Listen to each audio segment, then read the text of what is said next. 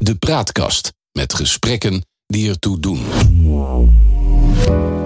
Welkom terug bij uh, Nu is Later met deze aflevering Kathleen Verrier.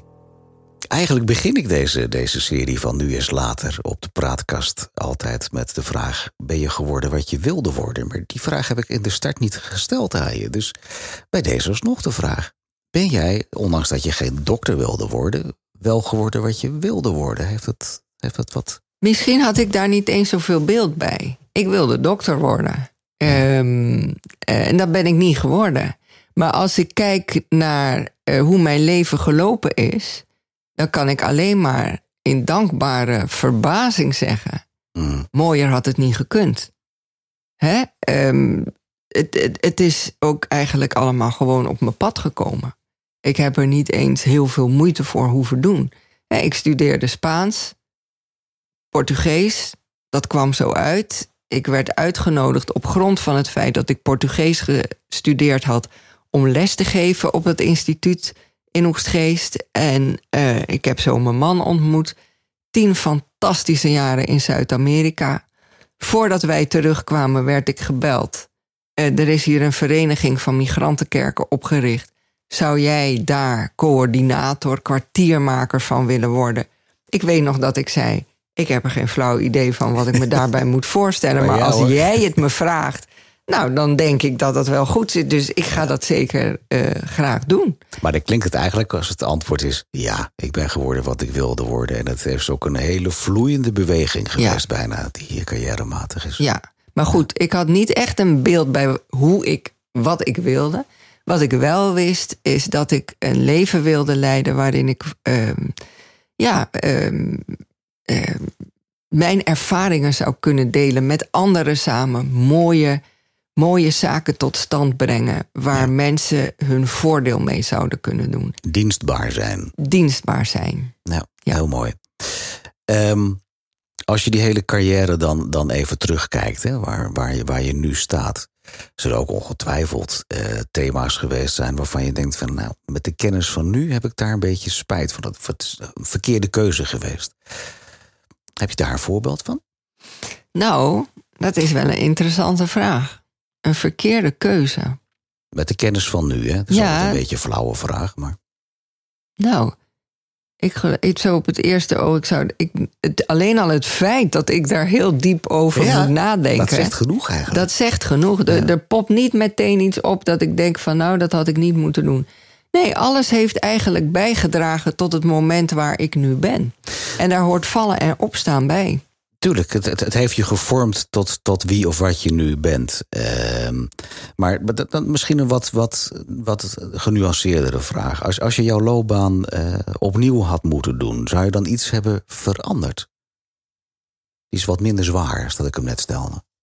Of zeg je van nee, nee. eigenlijk is het goed, Victor? Nee, ik, uh, ik ben ongelooflijk blij. Echt hoor. Tot op de dag van vandaag. Ik zeg vaak tegen Tjeerd, mijn echtgenoot dan ben ik toch blij dat ik deze studie gedaan heb. Het heeft me zo'n rijkdom. Geeft het me iedere dag mooie literatuur, muziek, teksten die ik kan lezen. Ik probeer nu een beetje Chinees te leren. Heb ik me die vijf jaar in Hongkong mee bezig gehouden. Oh, geweldig. Ja. Gaat weer een wereld voor mij open. Dus ja, ik, uh, nee, ik uh, zou niet weten wat ik anders gedaan zou hebben. Ik denk dat jij vanwege jouw achtergrond en je carrière een, een inspirerend mens bent voor velen. En net voordat wij eh, met, dit interview starten, toen hadden we even een voorgesprekje, zeg maar. En toen zei je ook al van, van nou ja, ik word wel eens gevraagd door mensen of ik ze dan wil adviseren op iets.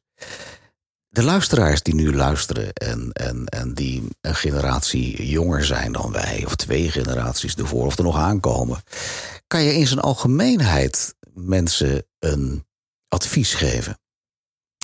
Nou, wat ik zelf heb ervaren als heel erg belangrijk, is het moment dat ik durfde mijn gevoel en intuïtie te volgen. Ik ben... Dat durfde je eerst niet? Nee, want dan ga je toch een beetje rationaliseren, lijstjes voor's en tegens en afstrepen en denken, nou, waar ga ik uitkomen? Um, terwijl ik in de loop van mijn leven geleerd heb dat dat onderbuikgevoel ehm, je hart en je geweten volgen. En van daaruit voelen van dit is wat ik doen moet. Eh, om dat toe te laten. En dat gaat niet vanzelf.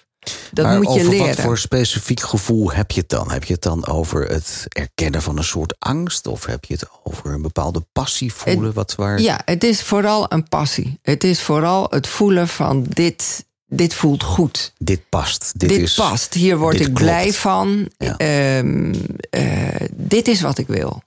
En dat andere niet. Of dit is de weg die ik moet gaan. En gaandeweg die weg zie je dan wel hoe die verder loopt. Maar daar is de basis, komt vanuit je gevoel. Het vertrouwen hebben. Het vertrouwen hebben. Het ook af en toe los kunnen laten en niet alles willen beheersen. Maar go with the flow en maak er per stap het beste van. Heel mooi. En daar komt denk ik ook weer die lijn waar we het net over hadden in terug. Dat, dat ergens in geloven daarin een hele sterke rol kan spelen. Ja, geloof maakt het mogelijk dat je dingen los kunt laten. Ja. En dat je kunt vertrouwen op die hogere machten die er zijn. En ook op jezelf. De, de, je eigen inspiratie, je eigen, de, de vonk in jezelf. En als je eh, dus bij jezelf te raden gaat van hoe voel ik me hier nou bij? Hoe, ik beeld me in hoe is het als ik de- deze keuze maak en hoe is het als ik net die andere keuze maak? Hoe voel ik me dan? Ik heb het altijd over mijn onderbuikgevoel. Voelt het goed of komen er weerstanden? Ja. En dat durven te volgen heeft te maken met vertrouwen in die leiding, maar ook in je eigen scherpe oordeel. Ik zie ook in je ogen dat het dan, dan gaat het bij jou zelf ook een beetje vlammen. Hè? Als, je- Ja. als je daarover. eh, Ja, zeker. Ja, ja, als je dat ook meemaakt in je leven. Ja. Dat je soms een keuze maakt. Dat bijvoorbeeld het feit dat ik mijn echtgenoot achterna gereisd ben... terwijl ik hem eigenlijk nog helemaal niet zo goed kende. En ik denk, hij was mijn leerling geweest van september tot december. In december begon onze relatie. In maart begon zijn werk in Chili, dus vertrok hij naar Chili. Ik ben afgestudeerd in juni. Ik heb nog een zomer gevlogen bij de KLM om, een goedkoop ticket naar Chili te kunnen kopen. Zo werkte dat. Ja. Ik ben naar Chili gegaan. Ik ben met hem getrouwd. En nog steeds. En eh, de, nog heel veel, nog steeds zeer gelukkig, iedere dag intens gelukkig dat ik met hem getrouwd ben. Hè, ehm, terwijl ik dacht van ja, ik, ik, ik was nog hartstikke jong, ik was 26. Ja. En dan ga je in een dictatuur wonen. Ja, Hupsakee, just Doe do it. Ja. ja, maar het voelde goed het voelde goed en het klopte. en het klopte. Ja, en, het klopt En als ik dat rationeel had, hè, wat, wat veel van mijn vrienden zeiden, zeiden van ben je gek geworden? Wat doe je? Wie is die man? Mhm. Je kent hem amper. Wat is dat voor, voor theoloog, Ja. dominee? Wat, Ja. wat, wat, wat is dit? Waar ga jij aan beginnen? Waar ga jij aan beginnen? En ik dacht, het is goed, let's go. We zien Wat, het wel. wat vonden jouw ouders in die tijd ervan? Nou, die vonden het, eh, die vonden het ook wel spannend. Maar eh, ze zeiden ook, ja, de, de- toen wij op dat vliegveld stonden... en daar ging ik naar Chili, naar die land in de dictatuur... dat was best een emotioneel moment. Zou ook niet goed zijn als dat niet zo geweest was. En mijn vader zei van, ja, zo hebben we jullie opge- opgevoed. Ja. Zodat je sterke vleugels krijgt. Zodat je ver kunt vliegen. Maar op het moment dat je vliegt... is het toch een beetje moeilijk. Ja. Maar dit is precies wat we willen. Ga met vertrouwen. Ga met God. Ja. Ga. Mooi. Heel mooi zoals je dat ook vol passie kunt Het uitspreken. was een heel bijzonder moment. Ja. Ja, ja, heel gaaf. Kathleen, ehm, altijd een beetje de vraag aan het eind. Want eh, waar gaan we nu heen? Hè? Ik bedoel, waar, waar, waar mag ik jou ontmoeten bij Leven en Welzijn over vijf jaar vanaf nu? Wat ben je aan het doen dan?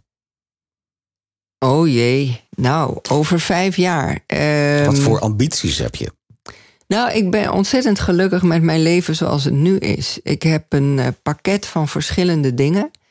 Ik voel me bijzonder bevoorrecht dat ik voorzitter mag zijn van de Nederlandse UNESCO-commissie.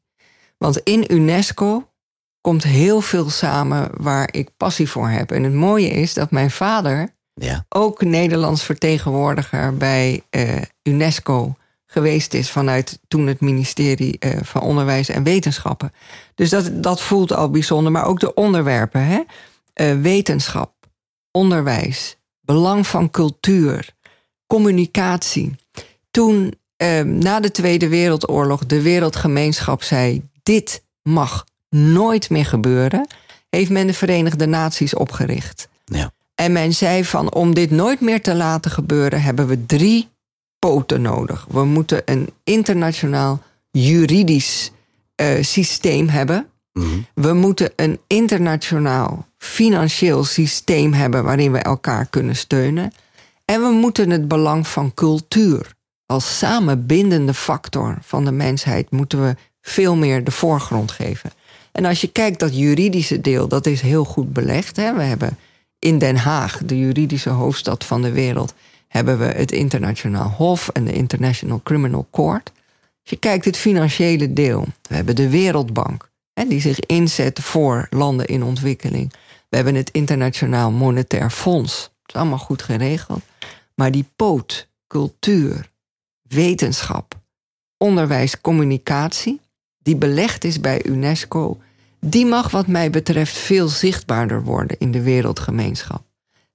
En waar denk je aan dan? In, in, welke vorm zou die, zou die beter eh, tot zijn recht komen? Nou, de mate waarin cultuur ons uh, verbindt. Op het moment dat wij nu met elkaar spreken, um, vindt de vergadering plaats van het Werelderfgoedcomité van UNESCO. Die bepaalt wat, zijn de, um, wat is het werelderfgoed aan gebouwen, aan natuur, die ons mensen bindt. Die mm. ergens voor staan wat uitstijgt boven een nationaal iets, maar wat zo mooi en uniek is dat wij als wereldbevolking daarvoor moeten mogen zorgen. Ja. Maar bijvoorbeeld ook, uh, nou, dus dan heb je bijvoorbeeld de Waddenzee.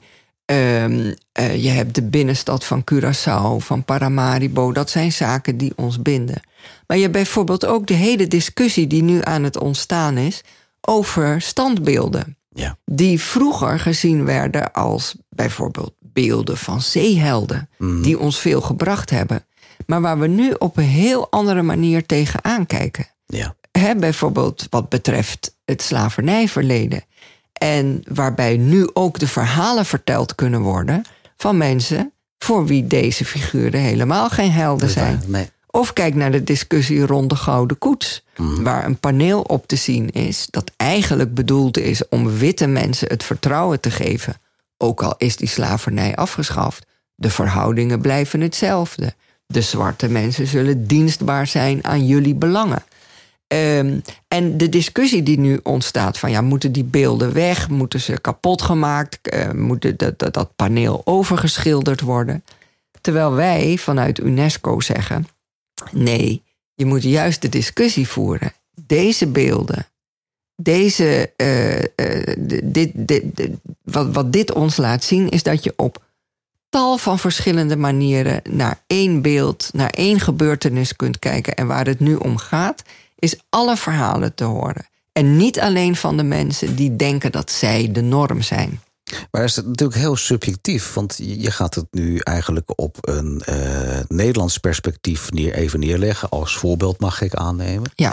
Uh, maar dan zeg je eigenlijk van, van ja, maar het gaat dus meer om het proces wat we met z'n allen aangaan, als dat het nu om de uitkomst gaat. Het is geen wiskunde, zeg maar. Nee, precies. Uh, maar dat is heel moeilijk meetbaar. Dus wanneer bereik jij dat dan als Kathleen? Uh, op het moment dat je ziet dat mensen hun, bereid zijn hun standpunten te veranderen. Mm -hmm. uh, de Zwarte Piet-discussie vind ik een heel mooi voorbeeld daarvan. Ja. Een uh, aantal jaar geleden, toen ik in de Kamer zat, zo eind november, werd er altijd een petitie aangeboden door een groep mensen die de Zwarte Piet is racisme. Ja.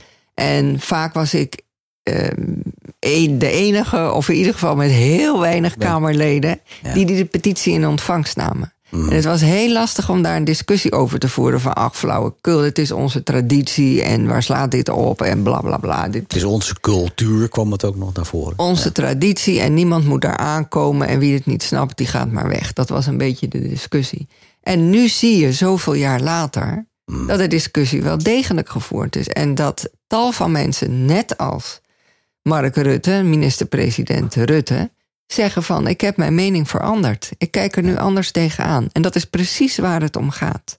Maar op wat voor manier kun jij dan als mens, als Kathleen Verrier, wat kun jij dan doen om, om dat proces eh, te Waar het- leiden, te, ja, Wat het te, te alle- beïnvloeden? Wat het belangrijkste is, is ruimte creëren om al die verschillende perspectieven te horen. Omdat er niet meer één norm kan zijn.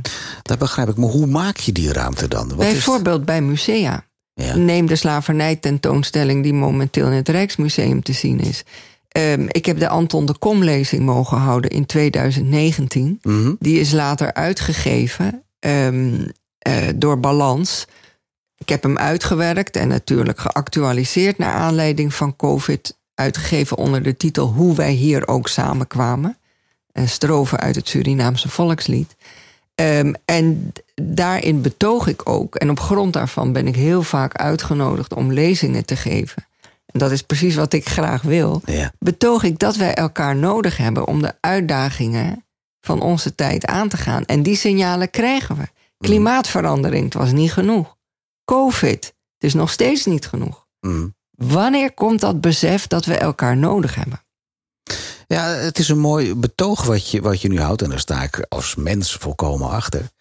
Echter, ik zie nog niet een soort schabloon, zeg maar, van nou, Victor, zo gaan we dat doen. Het is een streven. Dat schabloon, Victor, is er niet. Nee. Omdat we dat in gezamenlijkheid moeten vormgeven. Mhm. Neem bijvoorbeeld die gouden koets. Ja. Um, ik was betrokken um, bij de opzet van die tentoonstelling. Mhm. En de hele opzet van die tentoonstelling is precies om dit te doen. Om te bedenken, hoe, hoe gaan we al die verhalen horen? Ja. Op grond waarvan straks de koning kan bepalen... ga ik weer in die koets zitten. Daar is geen schabloon voor. Dat schabloon kan ontstaan op het moment... als wij op grond van volstrekte gelijkwaardigheid... dat schabloon per geval kunnen bepalen. Er is geen mal waarin je dit giet. Maar het begint allemaal, en dat is het lastigste punt... dat gesprek kunnen voeren op grond van gelijkwaardigheid. Ja. Nieuwsgierigheid naar elkaar. Die ontbreekt zo vaak, omdat iedereen in zijn bubbel zit. Maar je ziet dan wel nu een, een, een wat eh, maatschappelijke tendens die juist het tegenovergestelde doet. Want je ziet juist een hele polarisering op dit moment Ja. ontstaan. Die, die ook gevoed wordt door social media. En, en eh, Ja. iedere stem doet ertoe. Dat is ook een van de redenen waarom ik met de praatkast begonnen ben drie jaar geleden. Om te zeggen van joh, laten we het gesprek aangaan. Ongeacht wat voor mening je ook hebt. Hè. Dus iedereen is aan deze tafel welkom. Maar dat is mijn manier om, om eh, wereldverbeterend bezig te zijn, zeg maar. Ja. Ik zie in jou ook aan je, aan je ogen dat je de- daar, daar heel veel wil hebt. Maar eh, we hadden het over een schabloon. Maar in principe, wat wij hier doen, is toch zo'n vorm eigenlijk al? Dat we daarin Dat is het zeker. wereldkundig aan het maken zijn van joh. Maar zo gaat het ook. En ik ben ook heel positief hoor. Ik, ben, ik, ik zie de polarisatie. Ik heb daar grote zorgen over, laat dat duidelijk zijn. En tegelijkertijd zie ik een jonge generatie komen. En als Nederlandse UNESCO-commissie werken we daaraan, bijvoorbeeld door wereldburgerschap. En we geven een boek uit over wereldburgerschap, wat op in ieder geval de UNESCO-scholen verspreid zal worden, zodat men die discussie aangaat. Maar ik zie een, genera- een jonge generatie opstaan. Mijn eigen kinderen, hun vrienden. Ja. Die bijvoorbeeld zeggen: Ik zoek werk waarbij het mij niet gaat om het inkomen, maar om de purpose. Ik wil zingeving. Ik wil een bijdrage kunnen leveren aan een wereld die mensen gelijke kansen geeft. Een gelijkwaardiger wereld. Nou, en dan ben ik heel eigenlijk. positief. Ja, Ja, een mooiere wereld. Ja. Nou, dat, is, dat vind ik wel een tendens, maar dat is een, is een hele maatschappelijke discussie die eigenlijk helemaal niet in, in dit interview thuis hoort, maar dat doet er even niet toe. Dat, dat ik het ook wel merk hoor, dat ik ook eh, eh, jongere mensen die ik ken, diezelfde tendens zie. Dat het niet meer zo belangrijk is wat voor dikke auto ik rij, maar het gaat er meer om van hoe kan ik ertoe doen. En dat vind ik een hele mooie Het ontwikkeling. is een hele mooie ontwikkeling. Dus ik ben helemaal niet negatief gestemd. Ik zie de uitdagingen hè, ik- wereldwijd. Maar ik zie ook wereldwijd de generatie opstaan die zegt van wij gaan dat anders doen. Om op mijn vraag terug te komen. Eigenlijk zeg jij dus, ik doe het prima op dit moment zoals ik het binnen UNESCO doe. En eigenlijk zou ik niet zoveel andere ambitie hebben, behalve bij te dragen, wat wij nu ook al aan het doen zijn, aan een soort platform neerleggen om met elkaar eh, de communicatie aan te gaan, de verbinding aan te gaan, ongeacht geloof, achtergrond, geaardheid, wat dan ook. Ja, Zeg ik het goed? Je zegt het goed. ehm, alleen als je zegt ik doe het prima, be- zou ik willen zeggen ik doe mijn best. Iedere kans aan te grijpen En het voorzitterschap van de Nederlandse UNESCO-commissie biedt mij daartoe heel veel mogelijkheden. Om dat gesprek, wat zo nodig is, te entameren. Om de ogen te openen. Dat er meer aspecten aan bepaalde zaken zitten dan wij tot nu toe vaak hebben willen denken. Ik vind het een prachtige afsluiting. Kathleen, dankjewel dat je in de praatkast in uh, Nu is Later wilde zijn. Dankjewel. Tot je dienst, Victor.